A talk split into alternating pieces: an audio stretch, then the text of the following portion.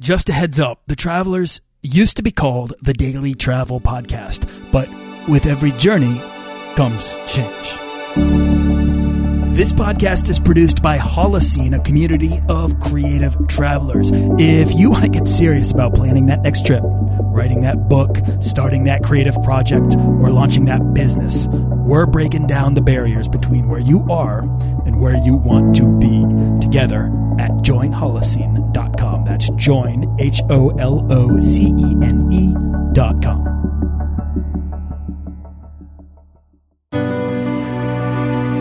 This is episode 119 with Matt Karsten.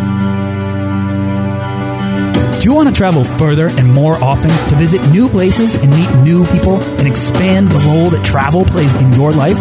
I'm your guide, Nathaniel Boyle, an explorer that wants to help you get out, see the world, and find meaningful, life changing experiences.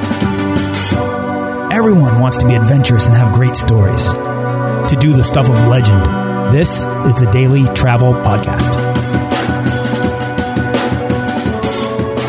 Now, before we dive in, if you want to get started earning frequent flyer miles or points to travel for as close to free as possible, then you can head on over to dailytravelpodcast.com and sign up for the weekly newsletter and get my book, The Beginner's Guide to Points and Miles, completely free. Matthew Karsten has been an expert vagabond for the past four years, and if you want to know what that means, then you're in the right place because we're going to get to that with him today. Uh, let me explain. Uh, no, there's no time. Let me sum up. Matthew champions the belief that travel doesn't have to be expensive. Getting out of your comfort zone is healthy, and the world is a safe, safe place. And so adventure is both attainable and good for you, no matter how old you are.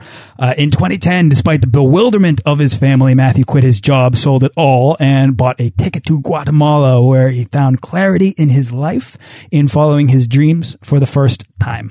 Uh, today, he supports his experiences through travel blogging, and so often I hear that it's not a sustainable model for supporting your travels. So I'm really curious to hear how Matthew does it and where it's taken him, including skydiving in Fiji, camping on an erupting volcano, hitchhiking across the states, shark diving without a cage, and seducing an ostrich uh, in his new life of travel. So, Matthew Karsten, welcome to the show. Thank you very much for having me. I'm so excited to have you on here. Now, you know, before we get started, uh, I want to say that up until about a week ago, I was not familiar with your blog and uh, our mutual friend Kristen uh, showed it to me. And today, it feels like a tremendous oversight. It's so vibrant with your personality and your experiences um, that, uh, as from maybe one person working on a blog uh, and also as a designer uh, myself, you clearly know what you're doing. I'm impressed. Anyone listening who wants to know more about Matthew's adventures after listening to us, just have a conversation. Uh, should definitely check out expertvagabond.com. Uh, so, Matthew, you know, I gave a brief overview of you, but let's start simple. If you could just introduce yourself, tell us who you are and how you got started traveling. All right. Well, like you said, my name is Matthew, and uh, I'm originally from uh, New Hampshire in the United States, and I uh, I went to school for business finance uh, out in Montana.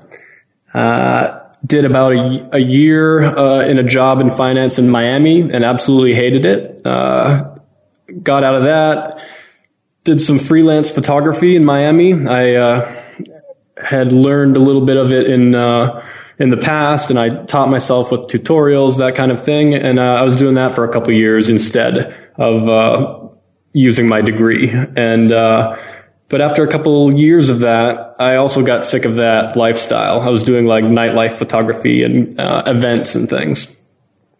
And uh, I was uh, intrigued by some friends of mine who were traveling around the world uh, for very cheaply uh, in Southeast Asia, in the Mediterranean. And it was something that I didn't think was a possibility for me until I started following what they were doing.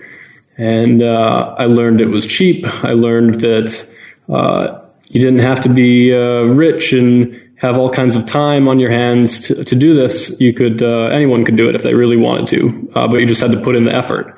And so that's what I decided to do to save money for a year. And plan, my plan was to travel around the world for one year. Um, I left for Guatemala Uh, and after about three months in Central America, I decided that not only did I want to travel for longer than one year, um, I wanted to do it as for as long as possible, and I was going to do anything to uh, to make it work. You know, all right. So this is interesting. This is this is the the, the grand picture of Matthew Karsten right there. So I want to I kind of want to get into it though. Like, so by getting into finance and pursuing a degree in that, and then getting a job in that, into a job that you eventually found that was not satisfying or at least not fulfilling to you, uh, mm -hmm. were you were you chasing just were you just going after uh, the highest paying job in, in, school? Is that where your priorities were?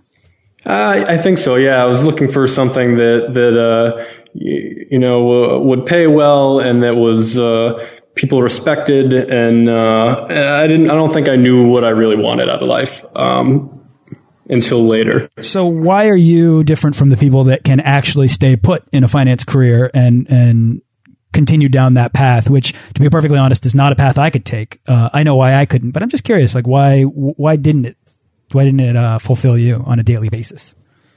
Um, it it wasn't uh, it wasn't challenging me, I, and I was even even before um, uh, before I uh, did that job, I I was traveling, but just within the United States.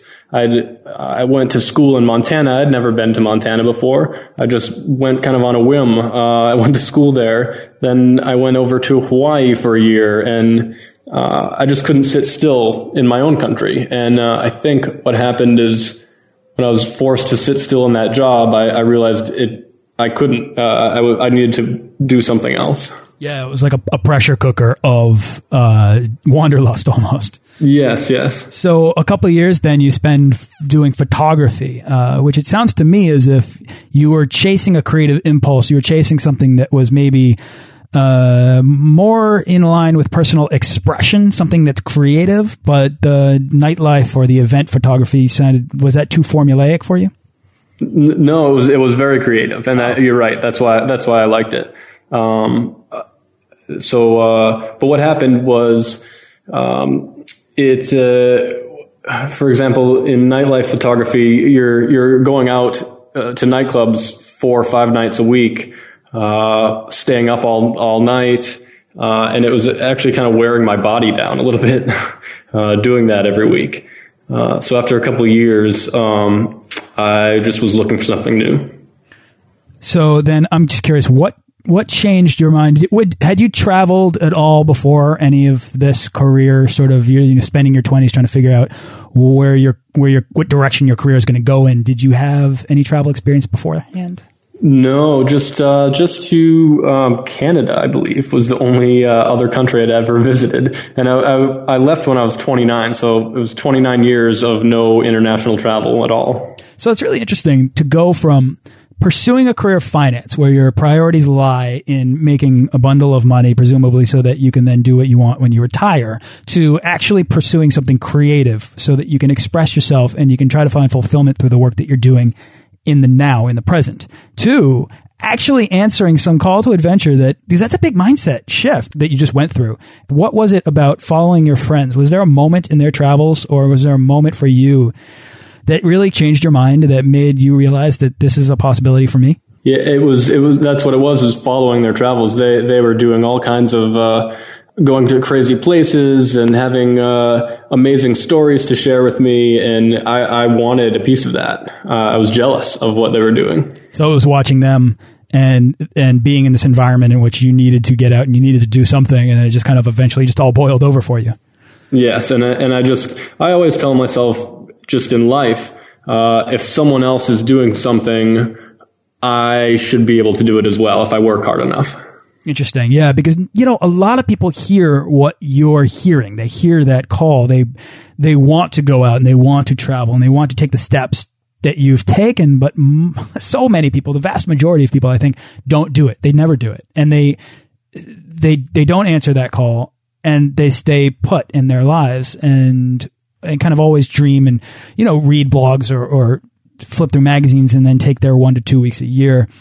I guess let me let me ask why Guatemala? Why did you choose Guatemala? It was uh, you know it was close. I was planning on traveling on a budget, so I need I couldn't fly. I didn't want to fly somewhere that was going to you know, cost $2,000 to get to. Uh, and Guatemala was nearby. I could travel overland through other countries cheaply.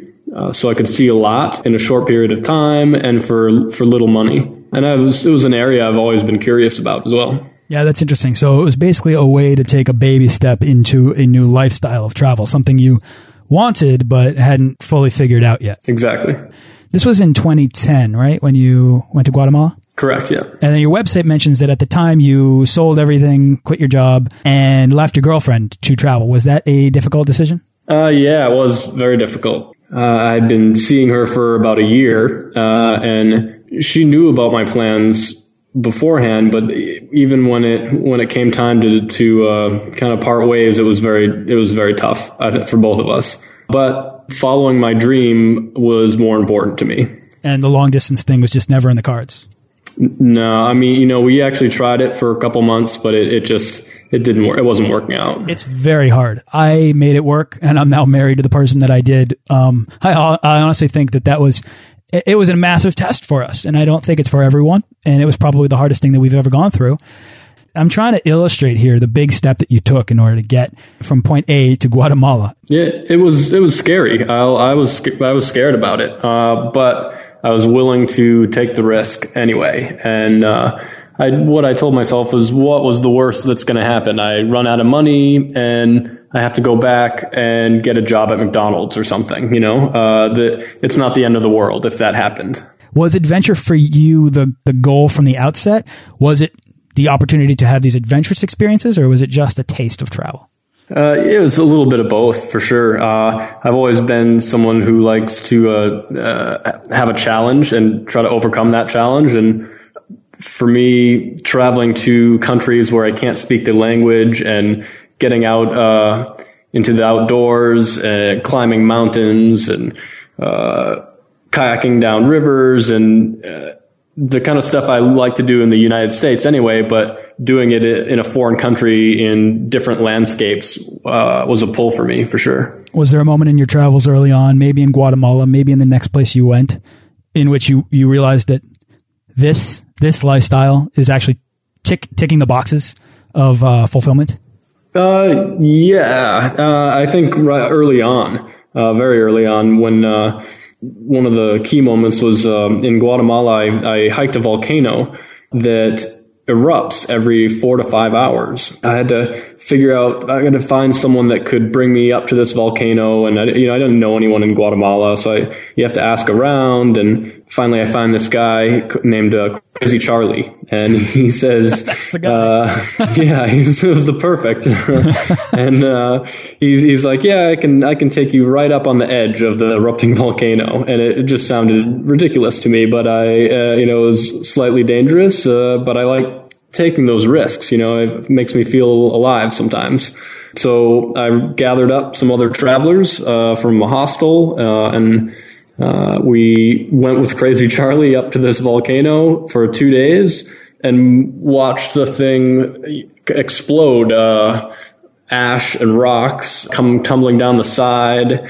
15 minutes minutes later the the ash rains down on you like snow and it was just a out of this world type of experience that I was never going to forget. And it hooked me. I want, I want to see more of those kinds of things and have more of these challenges to overcome. One thing I'm picking up here, though, is that you've gone from kind of wanting to go and try travel to getting there and doing something absurdly extreme. I mean, hiking up an erupting volcano is a very scary thing to do. It's not really, I love to push myself and push my limits. Um, there's something about molten hot lava that terrifies me and un unstable footing and all uh, all of this stuff. What compelled you to to take something to do something so drastic? Uh, you know, I, I, I, just I enjoy taking risks, but but uh, calculated risks. You know, I don't I don't do anything that's too well in my mind too crazy that uh, will put me in too much danger. But if if it's something that other people do on a semi regular basis, then I can see myself trying it as well. What's been the biggest risk that you've taken? You know, I, ha- I haven't written about this yet, but I was traveling in uh, in northern Mexico uh, a while back, I went down to a, the bottom of a canyon, maybe an eight hour drive in the middle of nowhere to this small village. And uh, when I got there, I learned that the, the village was controlled by a Mexican drug cartel. I proceeded to visit anyway. You can see them out in the open, fully armed, doing their you know their business, taking shipments in and figure, you know watching who's coming in and out of the town. And and I was told by a local man who I trusted that I, I, would be I would be okay. I'd be safe there as long as I didn't do anything too stupid. That they didn't want any attention being drawn to what was going on, and uh, I'd be okay. And I trusted this man, so I hung out for a couple days and saw the town. And for a while there, I was a little nervous, but uh, after a couple days, I relaxed and realized that he was right and it was uh, another memorable experience. Can you imagine the former version of yourself, the, the, the version of yourself that was either taking photographs or you know sitting at a, at a desk in finance? Could you imagine that version of yourself making the decision to go and visit that village? Uh, no, not at all. and you, I would imagine that you would require the journey that's led you to that point to make that decision in order to feel comfortable actually deciding to go and, and explore it. Exactly. After uh, after a couple years of, of doing these things, and uh, I learned to you know who to trust and and why why those people would be trustworthy, and uh, um, and all, and also learning as much of, about a situation or an area as I can prior to getting myself into uh, risky situations. Yeah, I think there's a confidence that develops in there's a confidence that develops from the experiences that you have. They sort of expand your vision of what you believe is possible and what you, not just for yourself, but in the world to explore. Uh, and I think your definition of safety begins to expand as you accustom yourself to sort of trespassing beyond the, the limitations of, of, of where you should or can go. At this point, Matthew, at this point when you're, you're in, you're in Mexico, when was this? Just, just recently, huh? No, this this happened maybe uh, a year and a half ago. Oh, and you haven't written about I've, it yet. This no, is a great I've been, si I've been sitting on the story for a while, trying to figure out how to go about writing it without getting anyone in trouble or or myself or you know that kind of thing or scaring anyone back home yeah exactly or mexico is one of my favorite countries in the world and but it gets a really bad rap uh, from the media. And I, I also feel like writing this story, I'm kind of contributing to that bad rap, which uh, I, I don't really want to do uh, if I can help it. But yeah, there is a spin in there though because the you took the mindset of an explorer, of a confident person who's who's willing to move beyond his comfort zone and actually go to a place that is perceived as dangerous and sort of dispel that preconceived notion about a village that I mean maybe it was dangerous and I, I, wasn't there but it sounds to me like you got out okay and you have an amazing story that you can take home it doesn't sound like you're recommending everyone do what you did but correct yeah. but the fact is is that you, because of your travels you were comfortable taking those steps and I think that's the overarching lesson that can be drawn from the experience is that the fear that would terrify so many people was dampened by your travel experience leading up to that moment. Yes. And I think that's really a, a really, uh, to me, that's like almost the ultimate takeaway of travel is to, to create this mindset of an explorer and then apply that to your everyday life back home or your future travels on the road. Because the more confident you are in these circumstances, the farther and further you can go into the places you go. For me, traveling like this is part of it is breaking out of my comfort zone a little bit. Uh, and like you were saying, uh, push it a, not too far, but uh, do things that uh, maybe I'm not 100% comfortable with to, to learn from those experiences and grow. It's the return on the investment of your time. And yeah. I, uh, I love that. I mean, that's what I'm trying to encourage people to perceive as an opportunity for themselves, especially if they desire to do it. Uh, Matthew, uh, I'm just curious though, then at what point in your travels did it become something that you could build a career around? Uh, I started making some income from my from my website about a year after I uh, started blogging. When did you start blogging?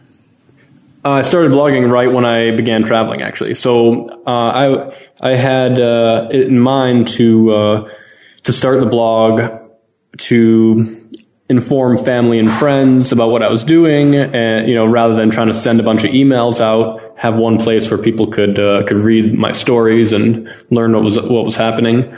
And then as more people began reading it, as they told their friends, and I had a little bit of a readership, I started getting more interested in figuring out how to grow that readership and possibly make an income out of it.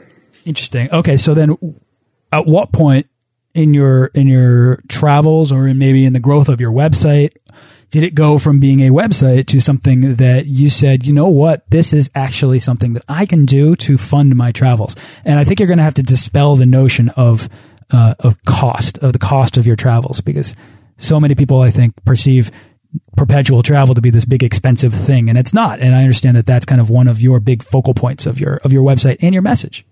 Yeah and it was one of the things that i uh, you know, at the time, I when I before I started traveling, I thought I thought it was expensive too. I was one of those people that assumed, you know, you needed uh, to be wealthy and have. Uh, that wasn't the case. You could, I mean, in the beginning, I was traveling for about a thousand dollars a month uh, in Central America.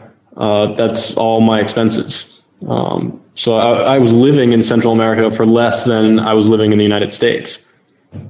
So you were able to cover. Let's say you were um, making a thousand dollars or spending a thousand dollars a month on the road, and you have a laptop and you have your website up and running. How can you offset the cost of travel with the things that you do? Uh, well, first off, it, it takes a while. It's not going to happen overnight. Uh, like I said, it took about a, a, year before I started making any kind of income with it. a year of regularly blogging, you know, every week but once once you start having a readership, that's where you have the the, the opportunities to make a little bit of income. Uh, I think the first way I made some money was, uh, but what a lot of bloggers made uh, money this way was uh, selling links uh, to companies. Uh, and it's something that's kind of died out a little bit now. but in the beginning, it was a way to, you know, put up a link in your sidebar for a travel company uh, or uh, a tour company of some kind, and they'll they'll pay you for that link to help them in their search results. Nowadays, it's uh, morphed into partnerships with uh, larger partnerships with companies. Also, affiliate marketing, selling photos to tourism boards and uh, and tour companies for them to use in their marketing and social media, things like that. It's a it, the income comes from many different sources. Yeah, and I think that that's a, val a valuable takeaway is that if you do if you do put yourself into this, uh, invest your time, your energy, and your patience. Uh, you can really kind of become like a content mercenary in a way for hire, and whether that's building an audience and building a readership and then uh, leveraging those numbers to make you some money, leveraging those numbers to uh, leveraging the interests of those audience to serve them, or it sounds like a, offering a sort of service based approach towards companies, brands, tourism boards out there that want to partner with you because you're producing outstanding top notch quality content, right? Yeah, correct. Yeah. I mean, if you take a look at, at expertvagabond.com, which is Matthew's site, it's, it's awesome. I mean, you tell stories with, with, uh, energy, enthusiasm, and uh, it's it's colorful. It's it, there's clearly a sort of tonality about the website, and I think that you set a good example of someone who is doing this and is doing this effectively. Is this the kind of thing that you foresee yourself continuing to do, or do you have a different direction that you're heading? Yeah, uh, I and I, I get that question a lot, and I, I mean, I could at the moment, I could, uh, I feel like I could keep doing this for uh, for a couple years. You know, writing about travel, uh, selling photography, working with brands. It's something I I enjoy doing, and I could definitely do it for a couple years. I've also been uh, contacted occasionally by TV producers, so that's a possible direction in the future. I always keep my my options open. Matthew, I think it's I think it's really interesting. Is this something that you would recommend for anyone listening that wants to get into uh, a life that is spent either on the road or at least making travel a bigger priority? Is this something that people can do today? Uh, you got started in 2010, and I have I've heard a lot. I pass no judgment on this, but I've heard a lot uh, of sort of naysaying to the fact that travel blogging is too hard, the the competition is too high, and that the barrier to entry is too difficult. What what do you think about that?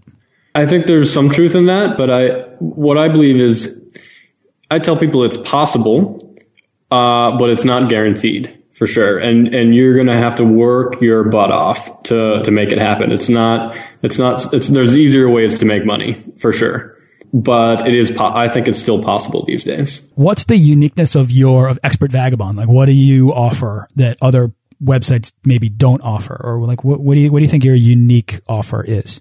a little bit of a, a, mixture of a little bit of personality in the site, uh, the photography uh, that I have a lot of experience with, and also just kind of crazy stories is kind of my niche, I guess. Uh, things that maybe you don't uh, read uh, on other travel blogs all the time. I would agree, uh, like seducing an ostrich. Seducing an ostrich, yes. Uh, hitchhiking across the United States, uh, stuff like that. Stuff that's got a, you know, it's got a, a hook to it. So I've mentioned um, it twice now, but you, now I, I, feel as though I need you to tell the, the ostrich seduction story. I can do that. This is what I've uh, done. I was in uh, I was in South Africa a couple years ago, and uh, I was invited to an ostrich farm to uh, to you know learn about them, feed them, uh, hang out with them, and uh, so we get to the ostrich farm, and I learned that you could uh, you could kiss the ostrich. What, ha- what happens is they put a like a piece of food in your mouth, like a like alfalfa pellet, uh, and the ostrich will come really close and then snatch it out of your out of your lips. Oh but it but it actually touches your lips and it's kind of like an ostrich kiss. so I, I, I, kissed the ostrich. Um, oh, and earlier before that, I, I fed the ostrich. So I, took it out to dinner. Then I gave it a kiss, and then finally, uh, we were given a chance to ride the ostriches. So uh, I uh, I mounted up and uh, held held on tight, and uh, she took off running around the uh, uh, running around the pen until until she had enough and kicked me off. Oh my goodness. oh, oh, man! You know these creatures. The, the, first of all, they are huge. They're massive, and they're not known for being friendly. Yeah, they're a little scary, and uh, they, and they like to uh, they like shiny things. So if they see you know a pair of glasses or something, they'll they'll go to go in and grab them real quick. And uh, yeah, they also have very large talons that could easily you know gut you if they wanted to. well, Matthew, I'm glad you're with us here to be able to share this, having survived your ostrich seduction.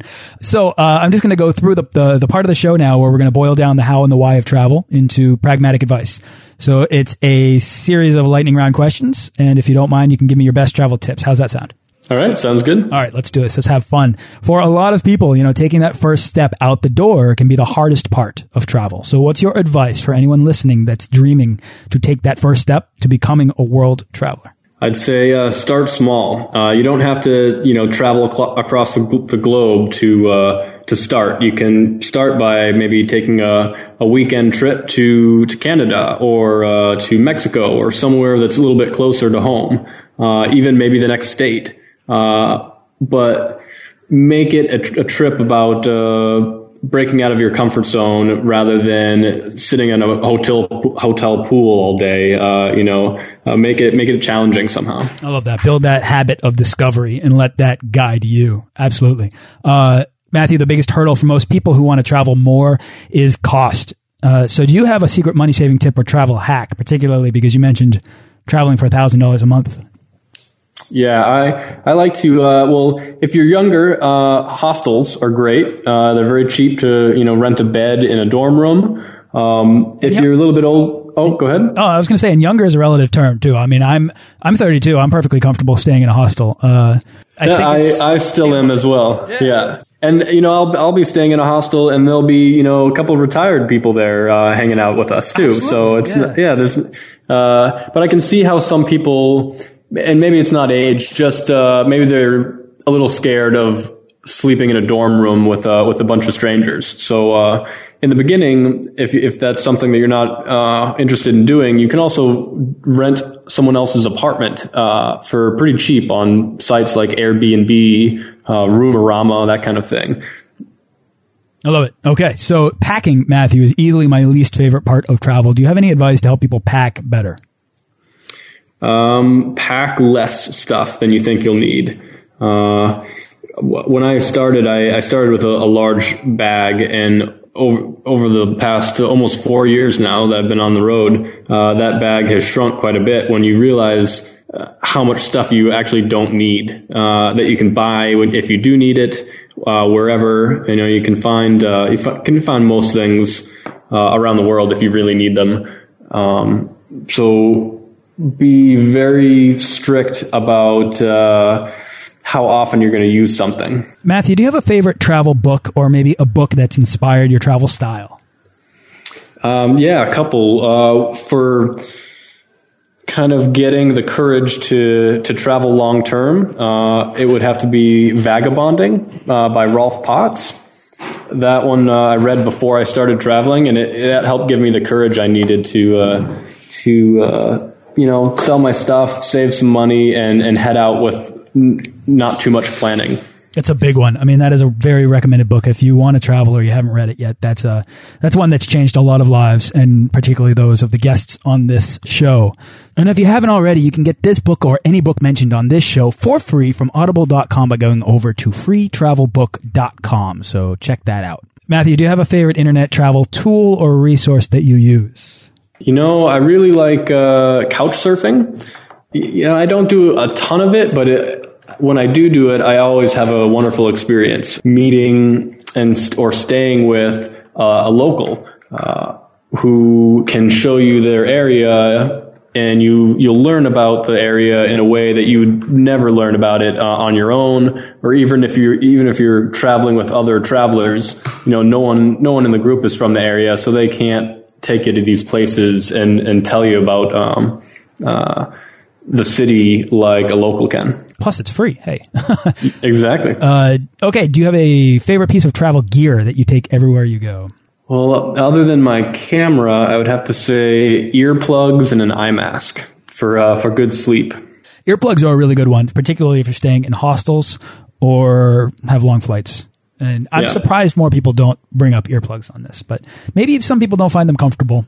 Uh, it, it, took me a while to find some good ones that uh, that work and that work the best. And I think they're called uh, Hearos, and they're the, they're the strongest uh, decibel level that you can get. Oh wow! Uh, but they're they're soft, yeah, soft and comfortable, and you can sleep in them pretty easily. Well, we're going to link to all of this in the show notes of this episode.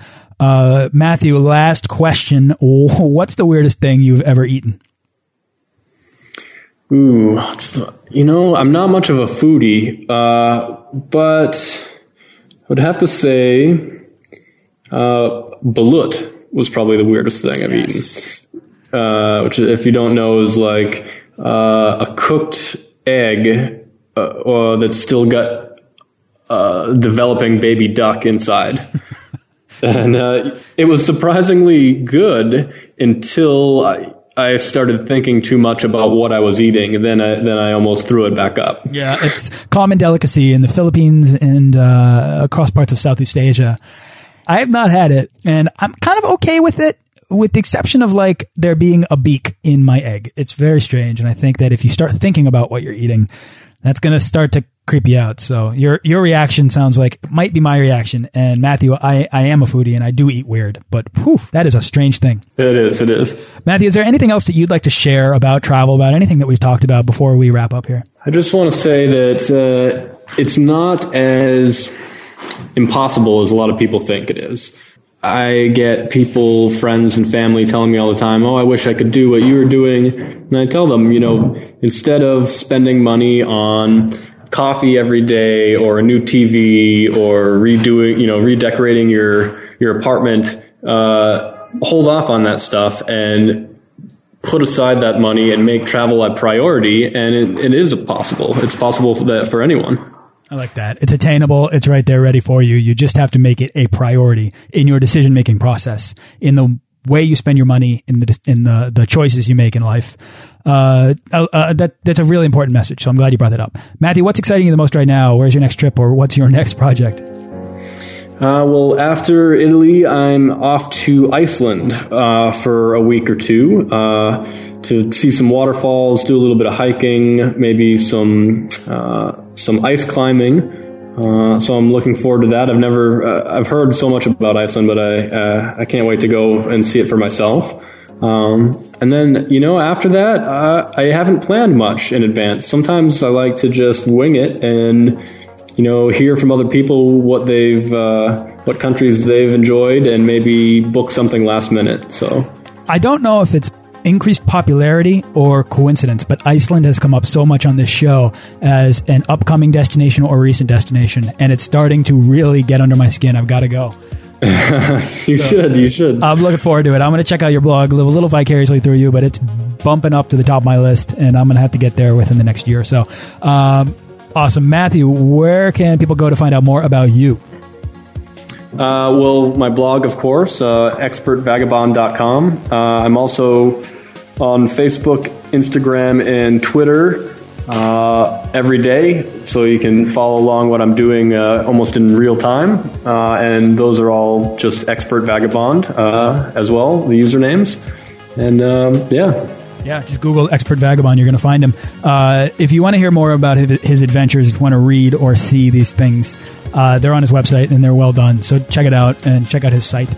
Matthew, thank you so much for coming on the show. I really appreciate you taking your time to come share with us your story, share with us your background relationship to travel and how you've effectively made a life of travel for yourself. So thanks. No worries. Thank you, Nathaniel.